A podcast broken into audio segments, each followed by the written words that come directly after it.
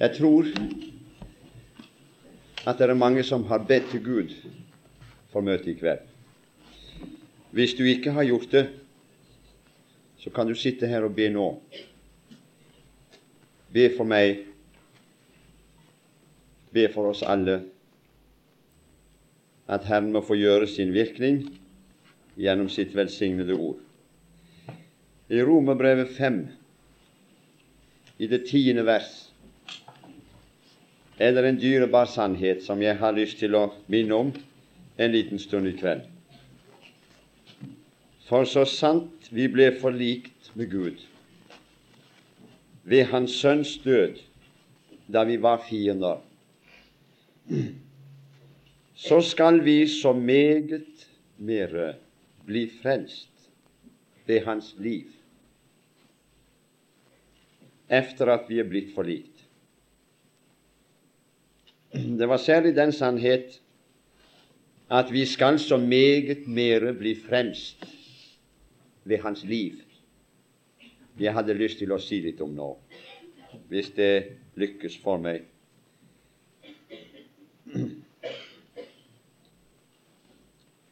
Og dette ordet, det er jo ikke gitt hvem som helst. Og den sannhet jeg bærer frem, det er et budskap og en sannhet til de som nå er blitt forlikt. Og jeg står her med det hellige og det store ønsket Gid vi alle var forlikt med Gud. Men hvis det skulle finnes en eller annen i kveld som ennå ikke har forlikt seg med Gud, for et privilegium du har i kveld. Her og nå kan det skje. For det står så skal vi så meget mere bli frelst ved Hans liv efter at vi er blitt forlikt. Så det er tydelig nok sikkert. Jeg skal bekjenne for dere med en gang at eh, jeg reiste endog i flere år som forkynner uten at jeg hadde sett den dyrebare sannhet som skal, jeg skal bære frem for dere i kveld. Men jeg talte om frelse og rett den gangen også. Prøvde å forkynne frelse. Men da kom jeg aldri lenger enn til å tale om Jesu lidelse, til å tale om Jesu kors, Jesu død, Jesu blod, så stopper jeg der. Og det underlige det er at når jeg også har hørt på mange andre som også forkynner frelse, så forkynnes det frelse ved Jesu død det forkynnes frelse ved Kristi kors, ved Hans blod, mens vi her leser om frelse vi skal så meget mere bli frelst. Men det står ikke ved Hans kors, ikke ved Hans blod, ikke ved Hans død, men vi skal så meget mere bli frelst ved Hans liv. Jeg har tenkt det slik at hvis det hadde kommet en eh, vilt fremmed, en hedning fra Afrika, som aldri hadde hørt noe om Jesus, om den frelse vi forkynner Hvis han den gangen hadde fulgt meg omkring, så hadde han sikkert hatt en bestemt følelse av at den frelser som jeg preker om, han henger på et kors fremdeles. For det var det jeg talte om. Eller så vil han tro at den frelser, han ligger i en grav fremdeles. Han er død. For jeg kom ikke lenger enn til å tale om det. Han fikk aldri høre noe om det som skjedde efter oppstandelsen, og det livet som han nå lever til frelse for meg for deg du som nå har forlikt deg med Gud. I den tiden var jeg, eh, ja, jeg vil si, en skrekkelig stor egoist av en kristen. Jeg var så selvopptatt med mitt liv og strevde det jeg kunne av alle krefter for å få skikk på mitt liv, mitt liv, og regnte for alvor med at jeg skulle greie å komme dit hen at både jeg og Gud skulle bli fornøyd med mitt liv. Men jeg visste også at skulle det lykkes, så måtte Herren hjelpe meg og noe av det som jeg ba aller mest til Gud om, det var Gjør meg snill. Gjør meg god. Gjør meg fullkommen. Og jeg kan ikke, jeg kunne ikke skjønne at ikke Gud brydde seg om det der og svarte meg. Nei, det var som han lukket øret når jeg ba. Og jeg kan ennå tydelig huske eh, når jeg var helt nyfrelst. Da var det en, eh, en som var min hyrde. Ja, det var han. Jeg vet ikke dere hvordan det skulle gått med meg hvis ikke gamle Jens Sture hadde levd i den tiden. Vi kalte han for Sturen. For, han var ikke Sturen, altså. Han gikk ikke og sturte, skjønner du. For han var en igjennom lykkelig mann. Herlig frelst.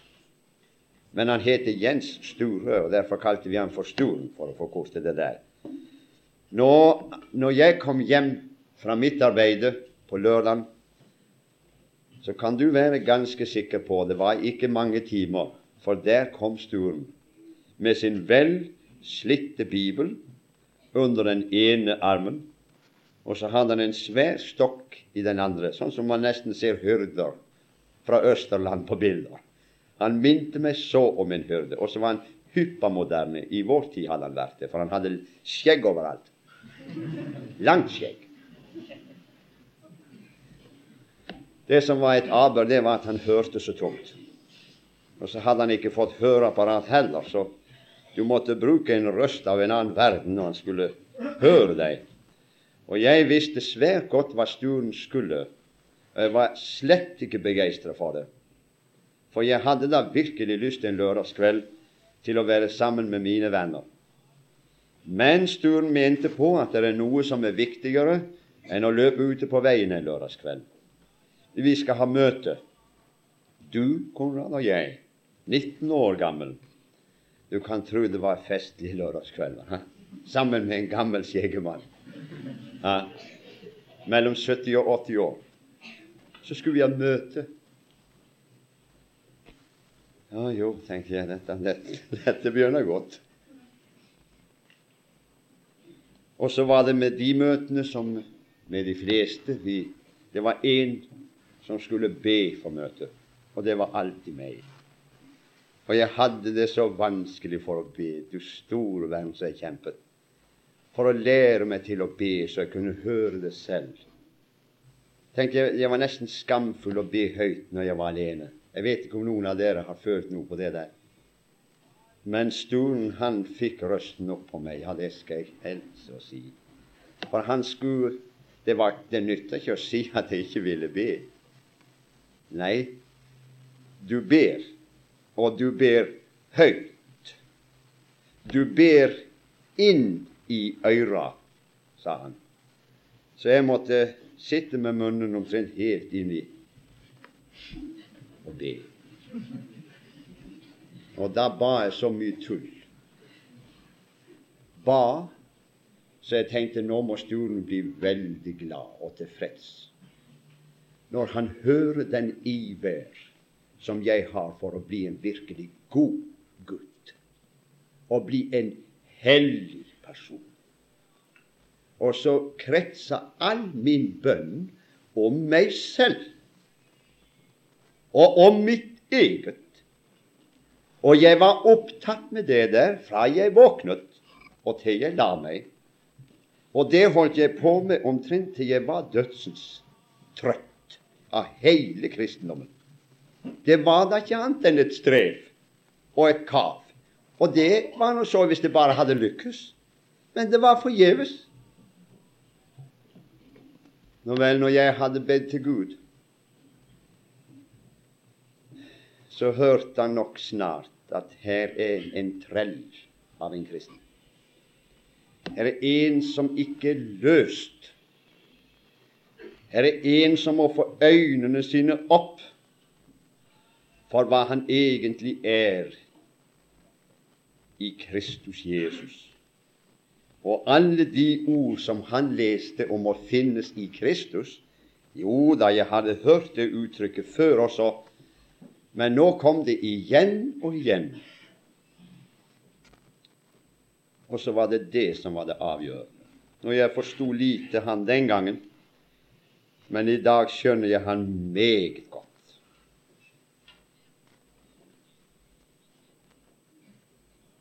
Er du opptatt med deg selv om dagene? Går du omkring og strever med å få det til med ditt kristenliv? Min kjære kristne venn, har det lykkes for deg? Er du fornøyd? Eller gråter du fremdeles?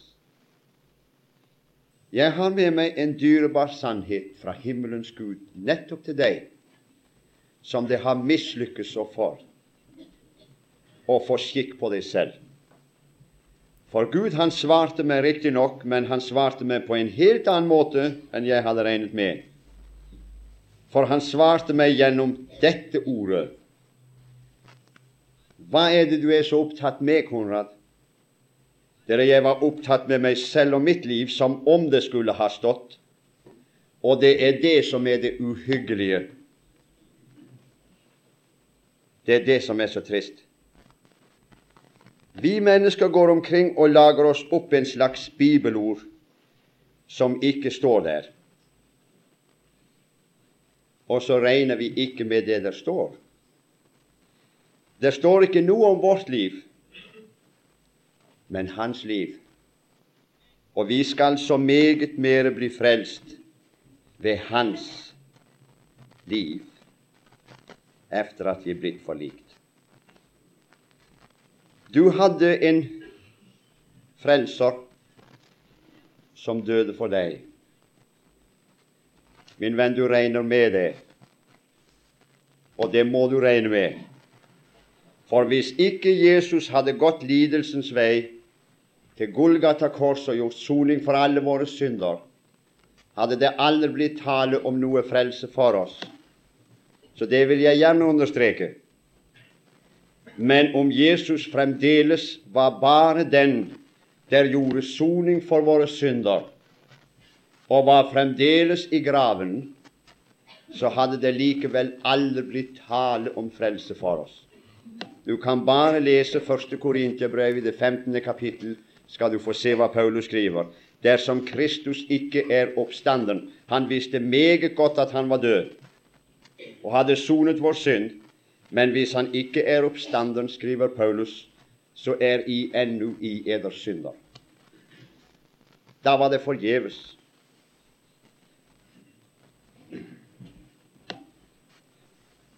Da var eders tro unyttig. Ja, ja, alt forgjeves. Men så kommer han med det. Men nå er Kristus oppstanden. Så dermed vil han si, Konrad, reis til Åkra i Jesu navn. Reis overalt med det salige budskap. Nå er det frelse. For nå er Kristus oppstanden, og ved det liv som han lever, skal vi som nå er forlikt med Gud, som går her og strever med oss selv, og skal bli så enestående god, både i egne, andres og i Guds øyne, og som vi må innse og erkjenne det mislykkes totalt, nå kan du forkynne frelse ikke ved vårt liv, men nå skal du forkynne det ved hans liv. For vi skal enda så meget mere bli frelst ved hans liv. Dere, jeg kan ikke forklare i denne stund hva det der betød for meg, når Gud viste meg det, og hvordan det løste meg ut fra trelldom, og hva det betyr den dag i dag. Det blir større og større etter hvert som tiden går. Og nå eh, har jeg prøvd å se etter hva det står om det liv hvor igjennom jeg skal frelses så meget mere. Før var jeg opptatt med mitt eget liv. Og det var bare å kaste tid vekk til ingen nytte.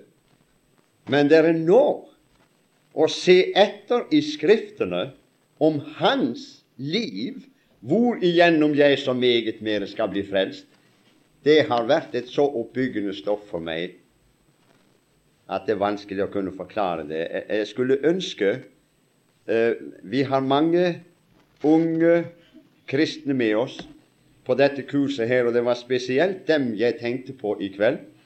Om jeg kunne greie å lede deg inn i en bane, lede deg inn på noe som virkelig kunne interessere deg fra dette møtet, og når du kommer hjem igjen. Vil du være så snill å se efter det liv som Skriften taler om? Det er ikke ditt, det er ikke mitt, men det er hans liv. Og ved det skal vi så meget mere bli frelst. Det står, ja, det står mye. Men nå tillater slett ikke tiden her i kveld til å lese mye, for vi har hatt så mange bibeltimer at nå skal vi ikke ha bibeltime i kveld. Men jeg håper du i alle fall eh, forstår hvor jeg er og at det kunne virkelig bli deg noe til hjelp. Jeg skal bare ha med ett vers når det gjelder hans liv. For det liv det tales om der, er ikke det livet han levde her i Jødeland i 2-33 år. Her kom han for å lide. Her kom han for å dø. I ditt sted, i mitt sted, Kristi himmelfartsdag gikk han hjem, lys, levende, og dør aldri mere, men han lever. Og like sikkert som at Kristus gikk i graven og døde din død, er han nå gått hjem til Faderen for å leve ditt liv. Og så skal vi for Hans skyld i all evighet takke både Gud og Faderen og Sønnen og Den hellige ånd. Nå her i Hebreerbrevet 7, i det 25. vers Det ble sitert her uh, under nadvermøtet. Der vi hadde et nadvermøte, og hvor jeg er takknemlig til Gud for at jeg fikk være her og være sammen med dem som var her, og fikk erfare, kjenne den guddommelige kraften som la seg over oss her. Her er et av de vers som da ble sitert. Og derfor kan han også fullkommen frelse. Jeg elsker det uttrykket. Og jeg kan ikke få noe annet til å passe heller med Gud. Det han tar seg for å gjøre, det gjør han aldri mindre enn fullkomment. Så når han, når han tar seg på å frelse en synder, så gjør han det ikke halvveis. Nei, han frelser ikke folk 95% men når han frelser, så frelser han minst 100 Det er derfor jeg er så frimodig. Så hvis jeg ikke nå er frelst, så er det i hvert fall ikke min skyld. Jeg har aldri prøvd å frelse meg selv så. Jo da, jeg har prøvd dere. Og gudskjelov at han har vist meg det skal aldri nytte for deg, Konrad. Hvordan du vil prøve å frelse deg selv når du er like fortapt, inntil jeg ga meg over til en som er en mester i å frelse. Og nå er det Gud som har frelst meg. Derfor står jeg med den frimodighet som jeg gjør. Og sier med frimodighet er jeg ikke nå frelst, så er det i hvert fall ikke min skyld. Fordi det er Gud som frelser.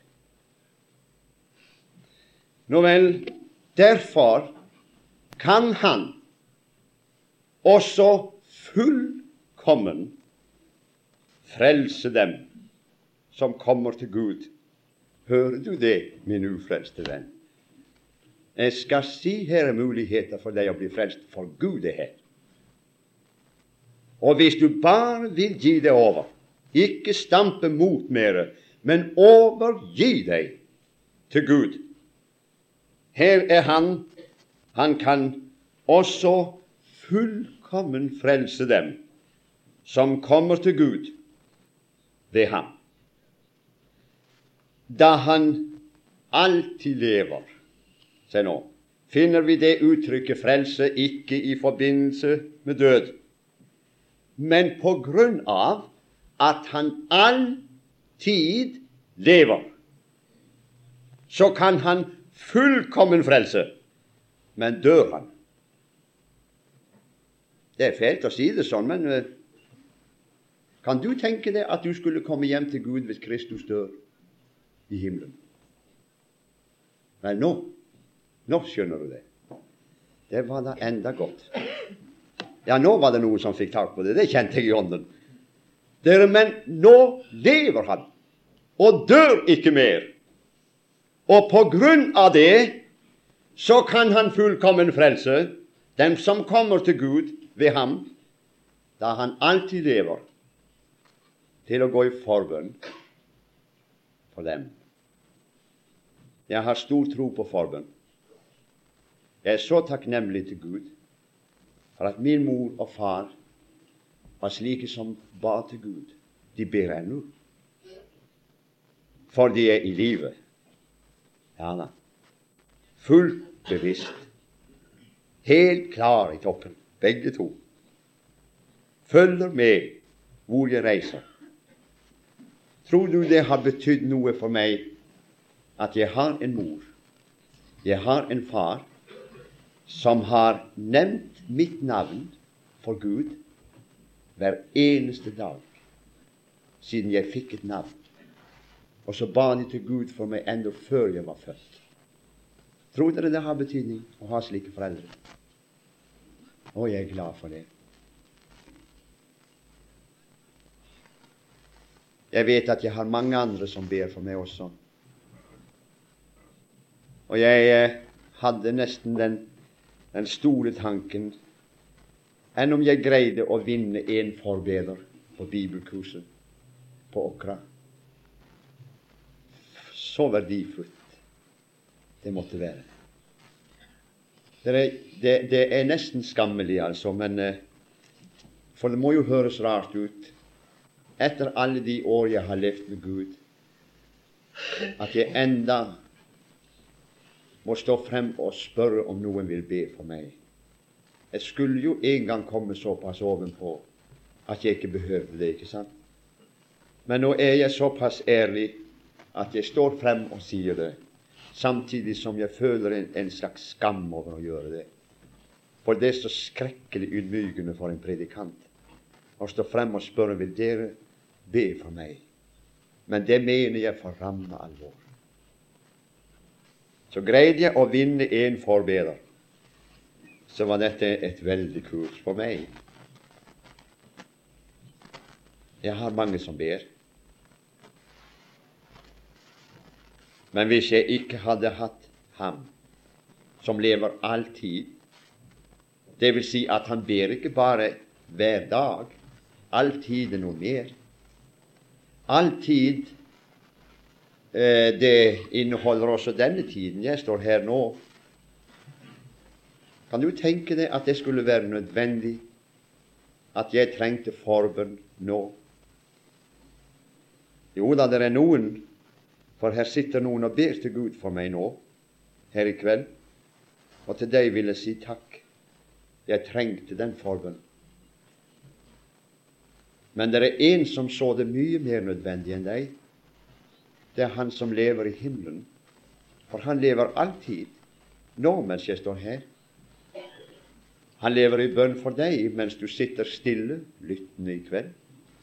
alltid, det vil si enten du våker eller du sover, enten du arbeider eller du hviler. Han lever alltid til å gå i forbønn for dem. Kan du prøve å tenke den tanken at han skulle slutte å be? Da skulle du ikke regne med noe himmel, vennen min. For du er ikke så flink til å be. Men han lever alltid til å gå i forbønn for dem. Jeg leste i en av Ludvig Hope sine bøker. Jeg tror jeg må ha den lille historien der med, for den synes jeg var så god, og illustrerer også den sannhet temmelig godt. Eh, jeg leste der om en lærer som hadde fått det så svært vanskelig med en av klassene sine. For eh, barna i den klassen de streika, rett og slett streika med å lære leksen. Og det kan jeg tenke meg må være fortvilet for en lærer. Han prøvde med å være snill og mild og god i sin ånd og i sin måte å tale på, for om mulig på den måten å overtale dem til å begynne å lese, men forgjeves.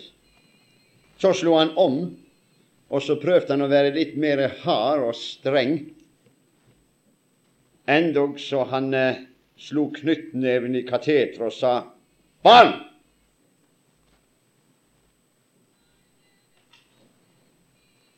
Det er ingen hjelp i det heller.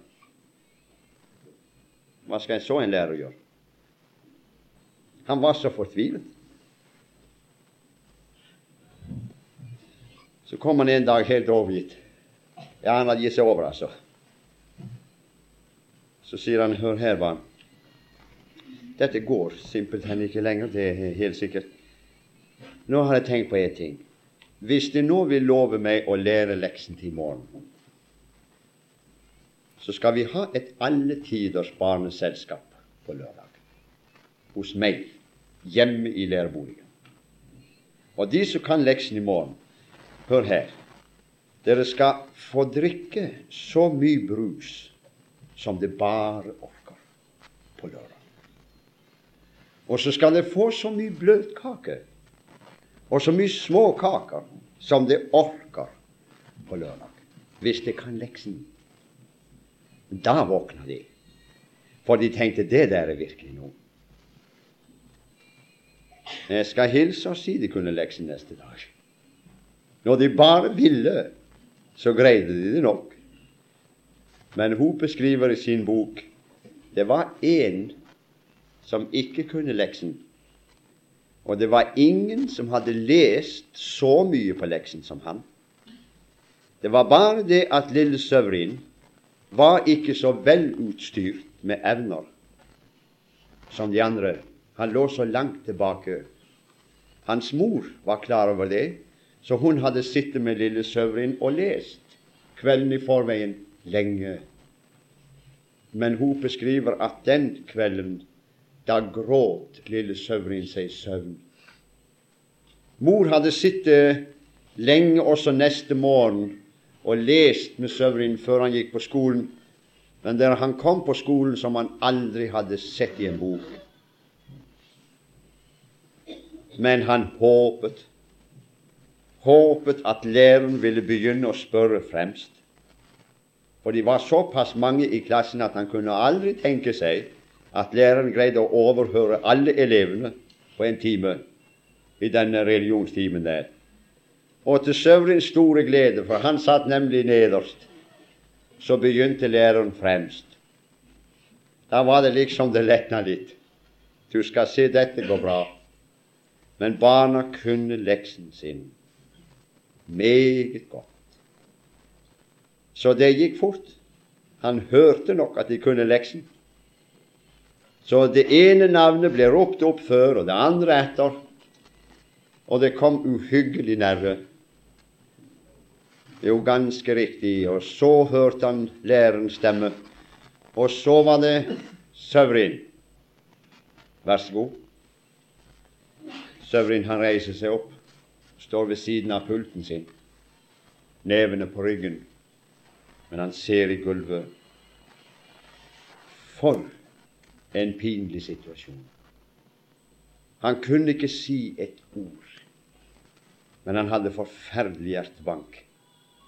Og så var motet temmelig langt nede. Nå, vær så god, Søvrin. Søvrin ser opp, og så sier han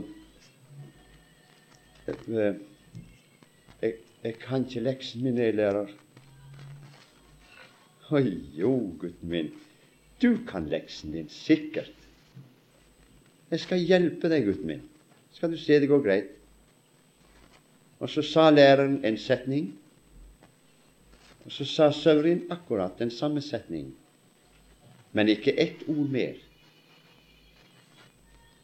Pinlig pause. Elevene begynte å se på hverandre. De lo ikke stort, for de var alle glad i Søvrin. Han var en snill gutt. Han var en god gutt. Og de syntes synd på han, de også. Læreren fortsatte med en setning, og Søvrin sa akkurat det samme. Og så var det en tre eller fire ganger dette pågikk med disse pinlige pausene. Til slutt så orket ikke Søvrin å stå mer. Læreren ba ham ikke sette seg, men han satte seg likevel. Og så la han hodet i hendene, og så var det mest som han hulkegråt. Så spurte læreren, si meg, barn, hva skal vi gjøre med Søvri? De tenkte på barneselskap på lørdag. Brus, bløtkake. Hva skal vi gjøre med Søvrin? Så var det straks ei hånd som kom opp. Det var en av de flinkeste, det. Han satt lenge framme, han. Nå, sa læreren, hva mener du? står han greit opp, og så er det en forbeder som står der. Og så sier han, må han Søvrin få bli med likevel?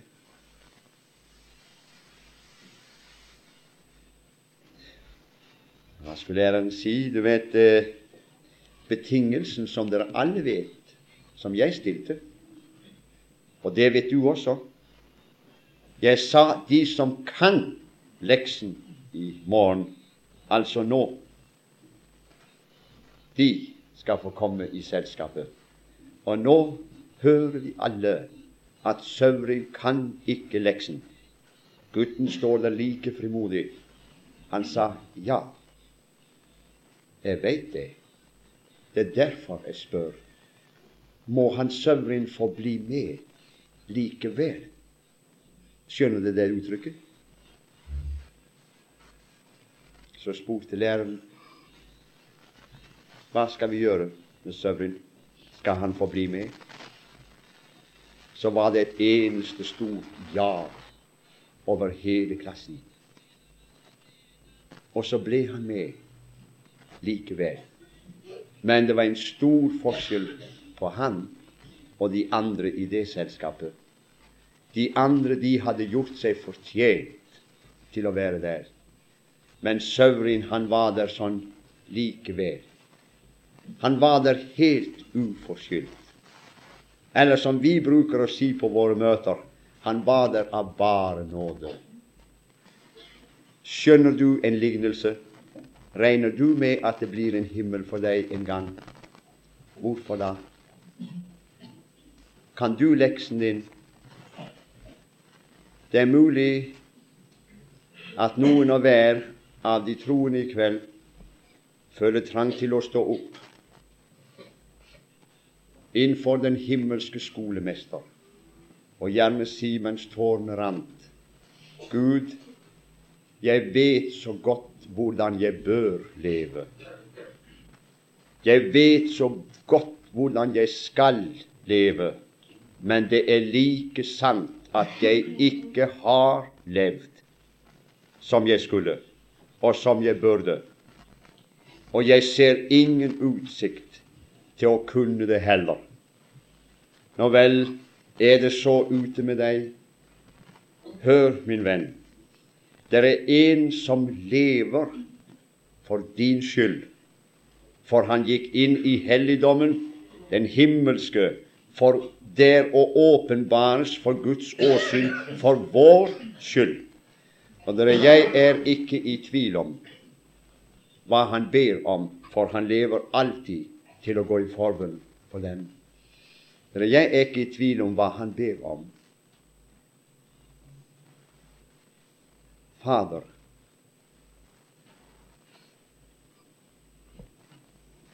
det blir en himmel for meg jeg regner med det for sikkert. Ikke for at jeg har vært så enestående, men jeg regner med en himmel for Hans skyld, som lever alltid til å gå i forbund for dem. Og nå kan du være ganske sikker på, når vi møtes hjemme hos Herren, for jeg må regne med at vi gjør det, alle dere som nå har bøyd dere ved Kristi kors, som nå har forlikt dere med Gud, så regner jeg med å se deg der. Kanskje du skal huske nettopp denne lørdagskvelden og det du hørte i kveld.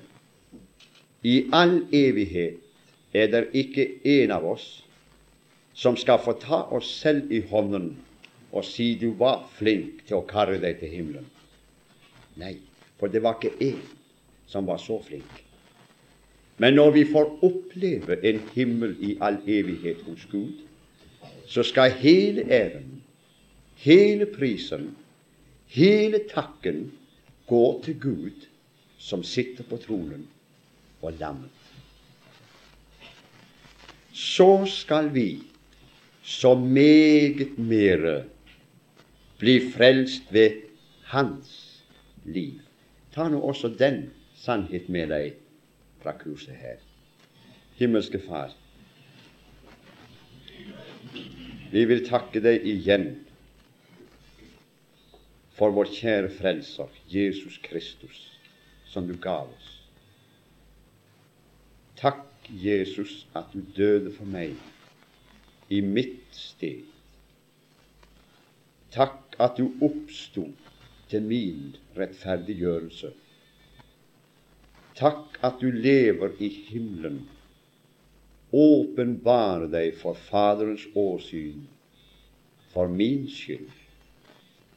Takk at du alltid lever, og ved det livet skal jeg så meget mere bli frelst ifølge Skriften.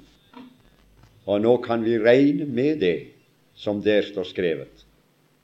For himmel og jord skal forgå, men det ord som du har gitt oss, skal evig bestå. Herre, må du kraftig styrke alle de som nå er forlikt med Gud. Styrke dem i troen på den Jesus som døde vår død, men som nå lever vårt liv. Ser du en eller annen som ennå ikke er forlikt med Gud, og hvor vi skulle ønske at det under skjedde med ham eller henne i kveld. Amen.